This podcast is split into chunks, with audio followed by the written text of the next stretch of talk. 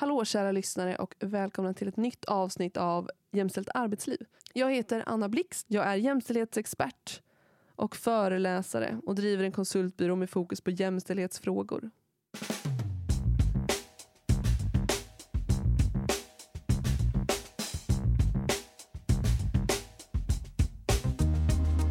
I dagens avsnitt ska vi alltså prata om jämställda fysiska platser, eller fysiska städer, alltså det fysiska samhället. Så inte bara det här det sociala, utan hur, hur vi är fysiskt jämställda. Eh, absolut lite diffust, men det kommer förklaras av min gäst som är med mig här idag. Välkommen Julia. Tack så mycket Anna. Vill du presentera dig själv lite? Absolut, det kan jag göra. Jag heter Julia Strandberg och jag driver Inkluderingsbyrån. Så du och jag är kollegor i samma bransch. Eh, jag riktar mig mycket mot teknik, IT, techbranschen. Eh, mycket för att jag har bakgrund därifrån. Jag har jobbat där med marknadsföring och kommunikation i många år och också drivit jämställdhetsfrågor. Kul! Mm. Välkommen ska du vara. Jag är så taggad på att få höra vad du har att säga om det här då som jag döpte till, alltså fysisk jämställdhet. Så. Ja. Det är inte helt... Det låter ju lite diffust som du säger, ja, men, men vi, det kommer klarna när vi pratar om det. Ja, hela det konceptet, eller allt det jag försöker då förklara med, eller sammanfatta med fysisk jämställdhet. Vad, vad menar du med det, eller vad är det? Ja, men så här, jag, jag backar bandet lite tror jag. När vi jobbar med jämställdhet, då tänker många att vi jobbar med att vi ska få jämställda arbetsplatser. Men det har ju inget mål i sig kan jag tycka, jo det är viktigt för liksom, eh, arbetsplatsen som sådan, för det blir bättre. Hon säger alltså nu att det inte är viktigt, att det inte är ett mål i sig till en som alltså jobbar med att skapa mer jämställda arbetsplatser. Ja, fortsätt. Ja, för det gör ju jag också. Men det är ju vad vi skapar av de jämställda arbetsplatserna. Att vi blir mer innovativa, smartare, skapar bättre produkter, eh, har bättre av att läsa av vår marknad och vår målgrupp och så vidare, för att vi täcker in fler perspektiv och fler eh, sammanhang. Men nästa steg om man ser på IT-teknikbranschen så handlar det också om att det är de som skapar våra samhällen. Allt från eh, apparna i din mobil till ansikts ansiktsigenkänning, till AI, till faktiskt planera hur staden ska se ut med smarta städer bland annat, men transport, hela hur vi planerar staden. Och att ha ett demokratiskt och jämställt perspektiv i det är otroligt viktigt. Så när det gäller inom teknikbranschen så är det inte bara arbetsplatsen utan det som påverkar varenda medborgare i Sverige. Liksom. Så, så, det har ett större perspektiv där. Jag brukar ju, när, när jag pratar om då eh, ja, men vikten av jämställdhet i, eller mångfald generellt sett så, i en grupp så brukar jag prata om ja, men för att exemplifiera, speciellt när jag jobbar då mot innovation eller alltså grupper som arbetar med innovation eller IT, så att säga, ja men produkten. Och sen så, det som alltid är top of mind för mig är bilbältet. Mm. Alltså att eh, de bilbälten vi idag har är trepunkts, heter det va? Mm. Trepunktsbälten. De är alltså utformade av män och testade på män för män. Funkar svinbra på män, funkar inte lika bra på kvinnor och framförallt inte på gravida kvinnor och inte heller på barn. För att de inte är testade på det. Och det är ju ett sånt typexempel på eh, innovation, teknik som har, har utvecklats och sen missat ja, mer än halva eh, världens befolkning liksom, för att det är barn och eh, kvinnor då. Och där behöver man istället ett sån här rally, jag visar med händerna, rallybälte. Mm. Eh, är det man då borde ha Nej, men precis, att det är större risk för kvinnor och barn att dö i trafiken på grund av säkerhetsbälte och att varje gång vi sätter oss i en bil tillsammans med en man så är det större chans att han överlever och jag dör om vi skulle hamna i en olycka och det är ju helt sjukt. Ja.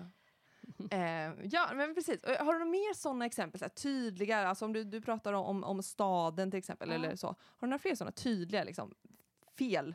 eh, ja, men när vi ändå är inne och pratar om bilbälten och eh, trafik och så vidare, så är ett väldigt tydligt exempel resvanor. Att män och kvinnor eh, reser väldigt olika i samhället. Och där finns det hur mycket forskning och statistik på som helst. Att eh, män rör sig helst med bil eller flygplan eller eventuellt cyklar om man har en 40-årskris. Kvinnor rör sig oftast med, eh, man går, promenerar eller åker kommunal eller lokaltrafik. Och kvinnor tänker också väldigt mycket mer på eh, hållbarhet, klimatfrågan, när man väljer vilket färdmedel man ska ta. Mm. Men det gör inte män. Och nästa steg är det också att kvinnor har ofta fler stopp på vägen. Man hämtar barn, man handlar, man har ärenden man uträttar på vägen. Medan män ofta rör sig från A till B. Mm. Så där har Från vi liksom... hem till jobb, jobb till hem. Ja, Mm. där rör man sig fram och tillbaka. Med Eller till bilen. paddeln då. Ja, precis. med bilen, medan Ja. kvinnor oftast, det här är ju generellt, det gäller Ja. ju inte alla, men Nej, generellt. men det, vana poddlyssnare vet att generaliseringar flyger högt i eh, den här podden. För Ja. att vi måste prata om, vi måste generalisera och prata om strukturer. Precis. Grejen är dock när man säger det här så är det väldigt många som känner igen sig i sin egen antingen familj Mm. eller i sin närhet. Att det ofta är så att det är mannen som kör bil och kvinnan som eh, åker buss eller Mm. tåg, eh, hur man nu rör sig till jobbet. Eh, men nästa steg i det här är ju också att det som eh, man utgår ifrån när man planerar städer och när man planerar trafik är just bilkörning. Eh, städer formas alltså utifrån det manliga sättet att transportera sig. Och det handlar mycket om att det är män som planerar städer och Mm. män som ritar städer. Och därmed så utgår man från det manliga perspektivet där bilen är det självklara valet. Ja. Så, så där har vi ett viktigt, en viktig del. Och då leder det till att eh, man lägger mer pengar och fokus på, på trafik, bra leder, bra liksom, eftersom man då kör mellan A och B så ska leder funka. Förbifart Stockholm. Precis, ja, Jag försökte göra en sån här, det gick inte så bra. Men en typ sån grej. Liksom. Man lägger resurser, tid, pengar, pengar, pengar, resurser, tid, pengar på en motorväg. ja men precis, på Istället för- bilvägar helt Ja, enkelt. precis. Ja. Och då kommer vi också till ytterligare en aspekt på det här. Och det handlar ju också om att kvinnor också parerar och funderar på hur man ska ta sig mellan A och B på grund av säkerhet. Vi tar gärna omvägar om det blir tryggare. Och vi tar liksom större eh, Ja, men vi tar väldigt stort ansvar för att vi ska hitta en trygg och säker väg för oss att ta oss hem från spårvagnen, tunnelbanan, bussen eller från liksom köpcentrat där vi har varit och handlat. Men det är inte lika högt värderat att skapa trygga rum på de ställena. Utan de som planerar och bygger ofta är, ja, om jag ska vara krass, vita medelålders män som kör bil. Då är inte det perspektivet med och lika aktuellt och viktigt. Så det blir ofta sekundärt. Ja, medans- det, blir, det blir alltid så här eh, projekt sen. Man har skapat en stad eller skapat en, en stadsdel. Nu för tiden när man skapar nytt så finns det lite mer sånt tänk. Men annars är det alltid så här, nu projekt, eh, gör den här eh, stadsdelen tryggare. För att man efterhand, alltså efterkonstruktioner hela tiden. Att man hela tiden måste så efterkonstruera det man redan har gjort istället för att göra det från början. Och sen Mm. blir det något så projekt som man får lite EU-pengar för och sätta upp lite nya lampor. Ja, Mm. jo, men. Precis. Och det kom en rapport ganska nyligen som bland annat Trafikverket och eh, Ramboll stod bakom. Och där skriver de explicit att jag läser inom till nu. Kvinnor utgör hälften av befolkningen och är inte någon min- minoritet. Men i transportplanering är det manliga perspektivet den omedvetna normen. Det står till och med i Ja. liksom deras slutresultat. Ja. Och, Skönt. eh, Ja, och i regeringen, jag, jag kollade senast idag på regerings, eh, när man söker transportjämställdhet, att man har ju som mål att både män och kvinnors perspektiv ska tas in vad det gäller hur man reser och trygghet och säkerhet. Mm. Men det sker en ganska långsam förändring, för den här rapporten kom här för bara några månader sedan. Mm.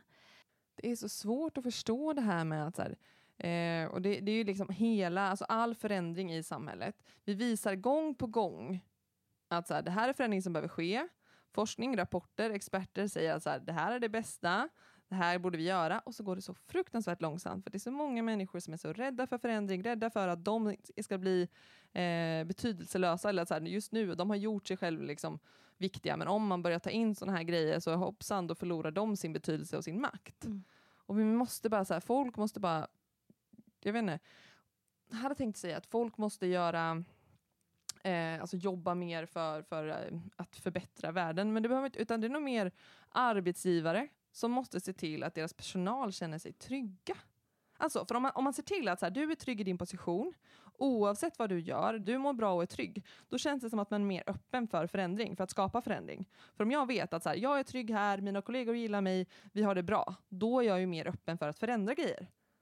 För jag vet att oavsett vilken förändring som sker så kommer det inte komma massa kids och skjuta bort mig härifrån.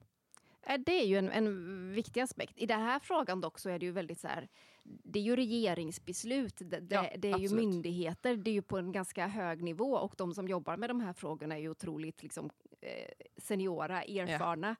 Eh, problemet tror jag det största är att, att det saknas kvinnor så att man inte har med det perspektivet Mm. överhuvudtaget. För man bara utgår, för så är vi ju vi människor, vi utgår ju från oss själva och våra egna perspektiv. Och Verkligen. då blir det lätt att man bara ser det som är närmast en själv. Och här kommer ju en till fråga in och det är ju klassperspektivet. Mm. Att eh, det är också ännu fler kvinnor i, i arbetarklass och i, i, eh, bland utlandsfödda som rör sig via att man går och Mm. åker kommunalt. Eh, och att eh, trygghet och säkerhet är ju en jätteviktig fråga där, men att den inte... Eh, man lägger väldigt mycket mer budget och pengar Ja. på eh, vägar för bilar än för att det ska vara tryggt att röra sig i stadsbilden för Ja. kvinnor. Ja men också hela, alltså jag jag är uppvuxen i ett villaområde men det behöver inte ha med det att göra, eller jag är uppvuxen liksom i ett litet, litet samhälle. Men jag känner mig väldigt trygg när jag går i ett villaområde på kvällen. Alltså jag kollar aldrig, alltså jag är inte rädd på något sätt. Det är lampor överallt, det är hus överallt, alltså det är ljust, det, är så här, det, det lyses upp liksom. Oavsett tid på dygnet så är jag aldrig rädd i ett villaområde. Överallt annars dock. Det har nog mycket med eh, din erfarenhet att göra. Inte sådär. Men det är fortfarande det är så upplyst, det är så, alltså så, det är så tätt, det är Ja, aldrig det är liksom mörka viktigt. områden. Nej. För det är alltid så upplyst överallt. Ja. Men då där är ju också, även om det är väldigt upplyst, säg till exempel på eh, stadsplanering, om man säger det byggs mycket tunnlar och mycket ja, men så här, plattformar till tåg under mark. Eh, hur ser belysningen ut där? Finns det så här eh, skrymslen och vrån som av kvinnor upplevs Mm. osäkra och otrygga? Och är det lätt att ta sig härifrån? Hur långt är det? Hur Mm. mycket belysning är det och så vidare? Att det är ju ett perspektiv som måste tas med när man planerar för de här liksom en plattform till ett tåg, säg Västlänken, det planeras ju och byggs idag. Men den kommer ju finnas, liksom, man planerar ju för hundra år. Ja. Liksom. Så det är ju inte bara här och nu vi pratar om, utan eh, vi kan inte bygga på, på det vi trodde var säkert och tryggt igår. Därför Nej. att det funkar inte imorgon. Nej, precis. Liksom. Vi har en ny, mm, en ny bild att Ja. jobba med. Verkligen. Det finns ju dock kommuner som tänker på det här. Eh, eller kommuner och myndigheter, för det är egentligen inte särskilt svårt. Nej, det är det som är det, är det, som är frustrerande. Ja. Det är inte svårt. Nej. Alltså det är jättefrustrerande. Det är jättelätt Ja. att bara så här, inkludera några fler Mm. i er liksom, grupp som bestämmer eller kommer på eller vad det nu är. Mm. Ja, men Det är för, för. Du får jättegärna släng, ja, precis, släng in lite så Ja. här, ge reklam. Vilka, men- vilka kommuner är bra? Ja, men en kommun som är väldigt bra på det här är Umeå kommun. Och Mm. de har jobbat med det i vad det, 10, 15, 20 år. Mm. Eh, och då har de i sin stadsplanering, ingenjörerna som jobbar med stadsplanering, har rådfrågat både jämställdhetskonsulter har varit med, men också tagit in medborgare och unga kvinnor eh, Mm. och frågat dem vad som anses tryggt och säkert. Och då kom det bland annat fram att eh, så garage som har galler eller cykelrum där det är galler runt. Och det är ju för att skapa säkerhet. Men det gör att ställena upplevs som väldigt mycket mer otrygga. Eller Oh, till jag förstår inte riktigt. Kan du måla upp bilden? Alltså, Ja, men säg att du cykelrum. står eh, ett sånt där eh, bilgarage i stan som är ovan jord, alltså Ja. en sån här koloss. Ja. Då är det ofta galler för att ta dig in. Eh, och det, det är galler eh, så att man inte ska kunna komma in och stjäla bilar handlar det ju Okej, mycket om. ja, mm. Men sådana ställen gör ju att det istället upplevs väldigt otryggt för kvinnor eh, och att man ser det som farligt istället för att det ska skapa säkerhet. Och likadant såg man i, i Umeå att eh, de har väldigt mycket parker och, och stora eh, ja, parker och stora ytor med bus, buskage och så vidare. Att det också upplevs som väldigt osäkert, otryggt så att man vill se vad som finns runt hörnet och så vidare. Men genom att öka belysningen och ta in kvinnors perspektiv vad som upplevs som otryggt, även om det kanske inte är otryggt, så är det ju upplevelsen det handlar om. Mm. Och de har gjort ett fantastiskt arbete med att ta in då som sagt kvinnor, fråga kvinnor vad upplever ni, hur vill ni ha det? Och jämställdhetskonsulter för att få med ett jämställt perspektiv när man bygger staden. Så att vi alla kan gå hem vilken tid på dygnet som Ja, helst och känna oss herregud. trygga. Liksom. Vilken rättighet det är, en mänsklig rättighet. Ja, det borde ju Eh, vara det minsta vi kan begära. Ja, precis. Men jag tänker att eh, alla kommuner som har haft en, en eh, medialt väldigt, väldigt, väldigt uppmärksammad eh, våldtäktsman ute på gatorna som har överfallit kvinnor kanske agerar lite mer än andra kommuner. Eh, talar alltså om Hagamannen. Absolut. och att det, för det låter ju som det, du säger senaste 20 åren, alltså så, så när han eh, ja, vad säger man, Ö, över... Men. Härja, ja. Ja, så. överfalla kvinnor. Ja, precis. Så när han, när han var fri på gatorna, att, att man då sa okej, nu måste vi, så här, vi måste se till att så här, det här ska inte få ske. Mm. Vi måste ljusa upp, vi måste fråga. Vi måste, och, så, och det är ju det är ju det är svinbra. Tack Umeå kommun för att ni jobbar med de här frågorna och alla ni andra kommuner. Eh, så. Men det ska ju inte behövas det ska en. Hagaman Det för ska att inte behövas en våran Hagaman. trygghet ska Nej. vara i fokus. Exakt. Det ska inte behövas att vi blir våldtagna på offentlig plats. Nej, och det är Ehm. inte så svårt att inse att, att stora buskage eller tunnlar med dels så här otäckt ljud eller dålig belysning och sådär, att det skapar otrygghet vilket begränsar vårt utrymme, vårt Mm. rörelseutrymme. Ja. Att, att det behöver fokuseras på. Eh, om man ska ta nästa steg här då, jag har Ja, många så Ja, här, kul, kör. så är det ju också, nu är vi i Malmö och spelar in den här, det Mm. kanske inte snö är det största problemet man har. Absolut inte. Men Tyvärr i, inte, skulle jag säga. I de städer där snö är en fråga och snöröjning i huvudsak. Vilka vägar är det som snöröjs Ah, först? Fy satan vad jag har varit arg på det här. När jag bodde i Lund, cykelstaden där alla studenter cyklar och sen så, så många gånger jag har ramlat. För att man försöker åka på de här satans kullerstenarna men det går liksom inte att cykla på dem för det är de enda, men trottoarerna är aldrig eh, plogade liksom. Precis. Buh! Du visste direkt vad jag ville komma Ja, men till. jag, oh, jag, oh, Självklart så ska liksom bussleder där, där eh, långtradare, lastbilar, transport kör eh, eh, snöröjas först. Det är självklart. Men Varför att, är det självklart?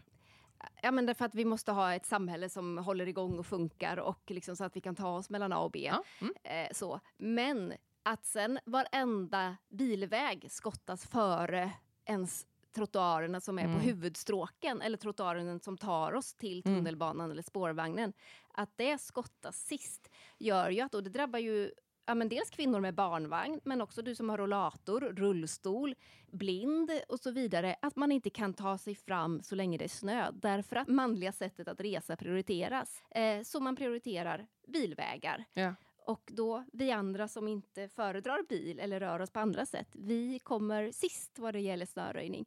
Och där tror jag det är Karlstad eller någon annan stad i Värmland som har jobbat aktivt med det. Ah, okej. Att de faktiskt gjorde en insats att röja, snöröja trottoarer och se till att, att det är framkomligt för de som går. Ja. Därför att en bil har ju ändå lättare att köra i, gud, i ja. 20 centimeter snö än vad man har med en barnvagn Ja. eller när man går eller med rullator.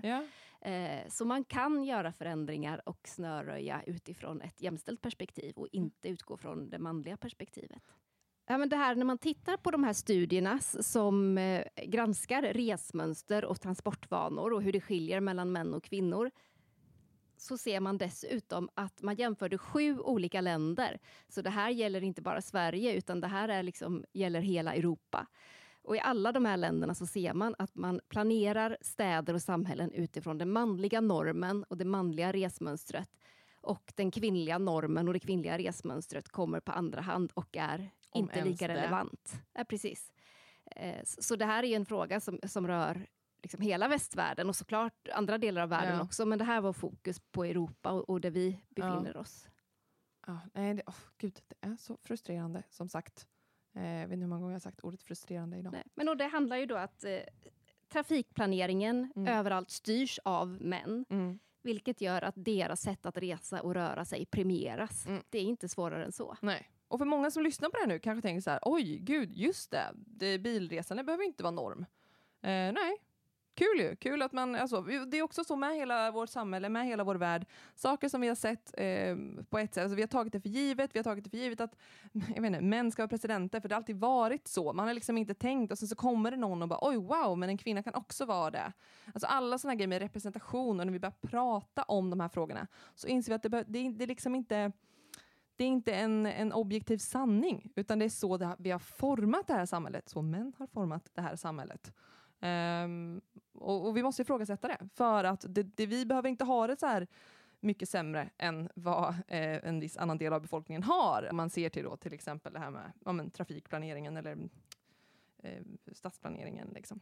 Jag sa innan att eh, det är inte primärt på arbetsplatsen man behöver skapa jämställdhet, så handlar det ju, eh, när man ser på teknikbranschen och samhällsbyggnad, att det är ju vad, vad det skapar för medborgarna och oss Mm. som individer. Det påverkar så, bara, så mycket mer än bara kontoret man jobbar på. Precis. Men då måste man ju backa tillbaka till det du och jag gör, Mm. att se till så att jämställdhet finns med som en viktig parameter på de här arbetsplatserna där man faktiskt skapar Mm. eh, samhället, samhällsbyggnad, infrastruktur, IT-teknik och så vidare. För det är mansdominerade branscher, det är otroligt få kvinnor i de branscherna. Och de som sitter på beslutsfattande nivå är ännu fler män. Det kanske finns kvinnor Ja. på lägre nivå, men här kommer vi in på glastaket och så vidare. Ja. Att beslutsfattare ofta är män. Så här Ja. har vi liksom en, en chain of events där jämställdheten får så mycket större effekt och påverkar oss alla. Inte en enda av oss står utanför det här, för vi alla rör oss i ett samhälle där vi påverkas av hur de, oftast männen, sitter och planerar våra städer och eh, liksom smart, smarta städer. Ja, nej verkligen. Alltså, oh, gud. jag- ja. Alla sådana här, det är det verkligen, jag tror inte det är ett enda avsnitt jag spelar in utan att jag blir så frustrerad och så irriterad och, och så vidare. Men, eh, ja, men det är kul, kul att vi kan lyfta lite bra exempel också. Mm, Eh, kul att de får cred. mm. Det tycker jag är, är jättevärt. Sen är ju tröskeln är så fruktansvärt låg i alla sådana lägen för att få cred. Så det är så lätt att vara, vara duktig liksom.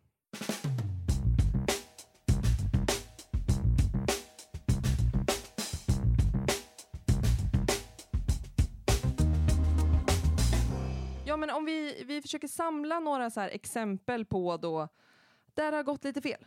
Eller vad man ska säga. Så vad har vi då? Om du, om du tar ett exempel. Ja, men vi har krockkudden är ju ett tydligt exempel. Mm. Nu är det ju mest män som kör bil och föredrar det transportsättet. Och vi har pratat om säkerhetsbälte, men det handlar också om krockkuddar i bil. Mm. Att det är väldigt mycket säkrare, dels att sitta i förarsätet, därför Mm. att där är det mer eh, säkert.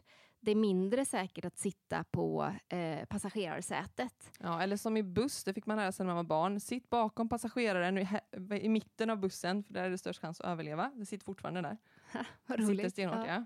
Men i de flesta familjer, eh, i alla fall eh, heterosexuella familjer får man väl säga, Mm. så är det oftast mannen som kör bilen. Mm. Det innebär att han också sitter på den säkraste platsen utifrån eh, airbags och Mm. hur bilen är konstruerat rent säkerhetsmässigt.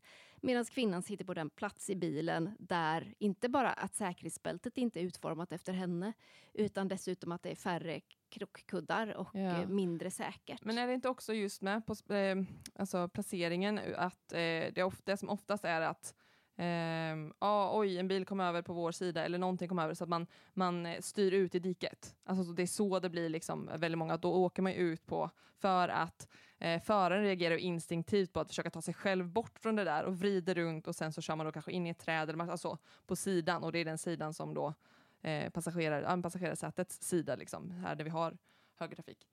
Vad intressant, det hade ju inte jag koll på, men det låter ju ganska rimligt när du säger det. Ja. Så, så vi, vi utgår från att det är så, och då blir det ju ännu större risk då för de som sitter i passagerarsätet. Ja, precis. För att man är den som hamnar i... Ja, alltså det är så i alla fall, det här var alltså inte typ, det här har jag lärt mig, utan det är, så jag tänkt mig just det här med bussen. Det är klart, för att bussen kommer ju ramla så. Och då är det säkrare att sitta på den sidan som möter trafiken för att chauffören kommer ta sig bort ifrån det. Stavmixern är ett exempel. Alla verktyg som är utformade för en stor hand. Mm. Eh, och det är också så kläder, skyddskläder som är utformade för stora människor. Så att små män har ju också så här, alltså, problem med män med små händer. Mm. Eh, men, också, men samtidigt så har vi då den lilla stavmixern som är perfekt för en hand, en kvinnlig hand, eh, eller en liten hand. För att den är ju till för att vara i köket. Vem har varit med och skapat det här? Vem har tänkt att det här behövs? Storleken på mobilen.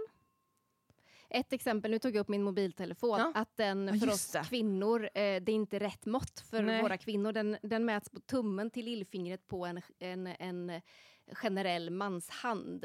För de flesta Ja. kvinnor tjejer som har mindre händer så innebär det att man inte når på hela Nej. skärmen. Och det gör ju också att vi vi kvinnor tappar våra telefoner lättare för att de är ju för stora för oss att Ah. hålla i. Det är därför. Det är inte att vi kvinnor alltid är mer klumpiga utan den är för stor för våran hand. Också Ah. intressant detalj i, Den i sista det. detaljen har jag inte eh, tänkt på. Men det är klart att har man, kan man inte greppa någonting så är det ju lättare att tappa. Och man får ont i tummen också. ansiktsigenkänning är ju en väldigt viktig sak. Och ja. den är ju ännu viktigare också därför att det börjar användas mer och mer på flygplatser, säkerhetskontroller. Man pratar om att det ska användas vid eh, val till exempel som Ja. identifieringsmetod. Vet du hur stor sannolikt det är att det blir eh, att en ansiktsigenkänning kan läsa av ditt ansikte om du är en vit man? Eh, 99. 0,9. Nej! Jo. Satta vad mycket. Så Vad det är nästan Ja. alltid Ja. att det blir rätt. Vet, Och om jag är en svart kvinna? om du är dessutom en äldre svart kvinna, Ah, vet du hur stor eh, sannolikt det är då? jag hoppas att det är 85 i alla fall. Runt 30. Nej. Jo. Så där, Nej. då får vi ju, ja men det är därför jag värnar så mycket om det demokratiska perspektivet. För Men vad händer Gud, då vad om det innebär att det främst är vita män som i förlängningen kan rösta på ett smidigt sätt Ja. eller ta sig igenom en säkerhetskontroll på ett smidigt ah, sätt. gud, ja. Det blir ju ett farligt samhälle. Ja, verkligen. verkligen. Ja, men det är det med, med liksom AI och hur, hur alltså AI är skapat av oss, alltså är AI också fördomsfullt och så vidare. Precis, vi Ehm. sätter ju så stor förhoppning till teknik eh, och, och tänker att det ska lösa så mycket för oss. Men som du säger, det är ju inte smartare än de som har skapat tekniken eller mer eh, jämställt än den som har programmerat det eller ritat eller designat vad det nu är. Och sist så har vi temperatur. Temperaturen som man har, eh, medeltemperaturen, 22? Medeltemperaturen på kontor, Ja, är det precis. 22 grader? Nej, det är, nej, det är lägre. Ja, det är lägre. Jag kommer Det är typ ihåg 19 temperaturen. kanske, vi vet inte riktigt, det är inte så viktigt. Det är en siffra, en, så här, en temperatur som man har då på kontor för att det är så här, ah, den här är si- eh, temperaturen som folk mår bra av. Och vilka är folk? Jo, det är män. Så, man kollar, så istället så kvinnor går runt och fryser eh, och är stela och kan inte fokusera. För höjer man temperaturen så kan kvinnor fokusera bättre. Eh, om man höjer den. För så jag tror det skiljer 2,5 grad eller något sånt där. Och man baserar ju dessutom den här temperaturen på en studie eller undersökning som gjordes för, ja nu kommer jag inte ihåg, men typ 30 år sedan. Och också baserades på män som hade eh, skjorta och kavaj på sig. Så dessutom ganska varma plagg.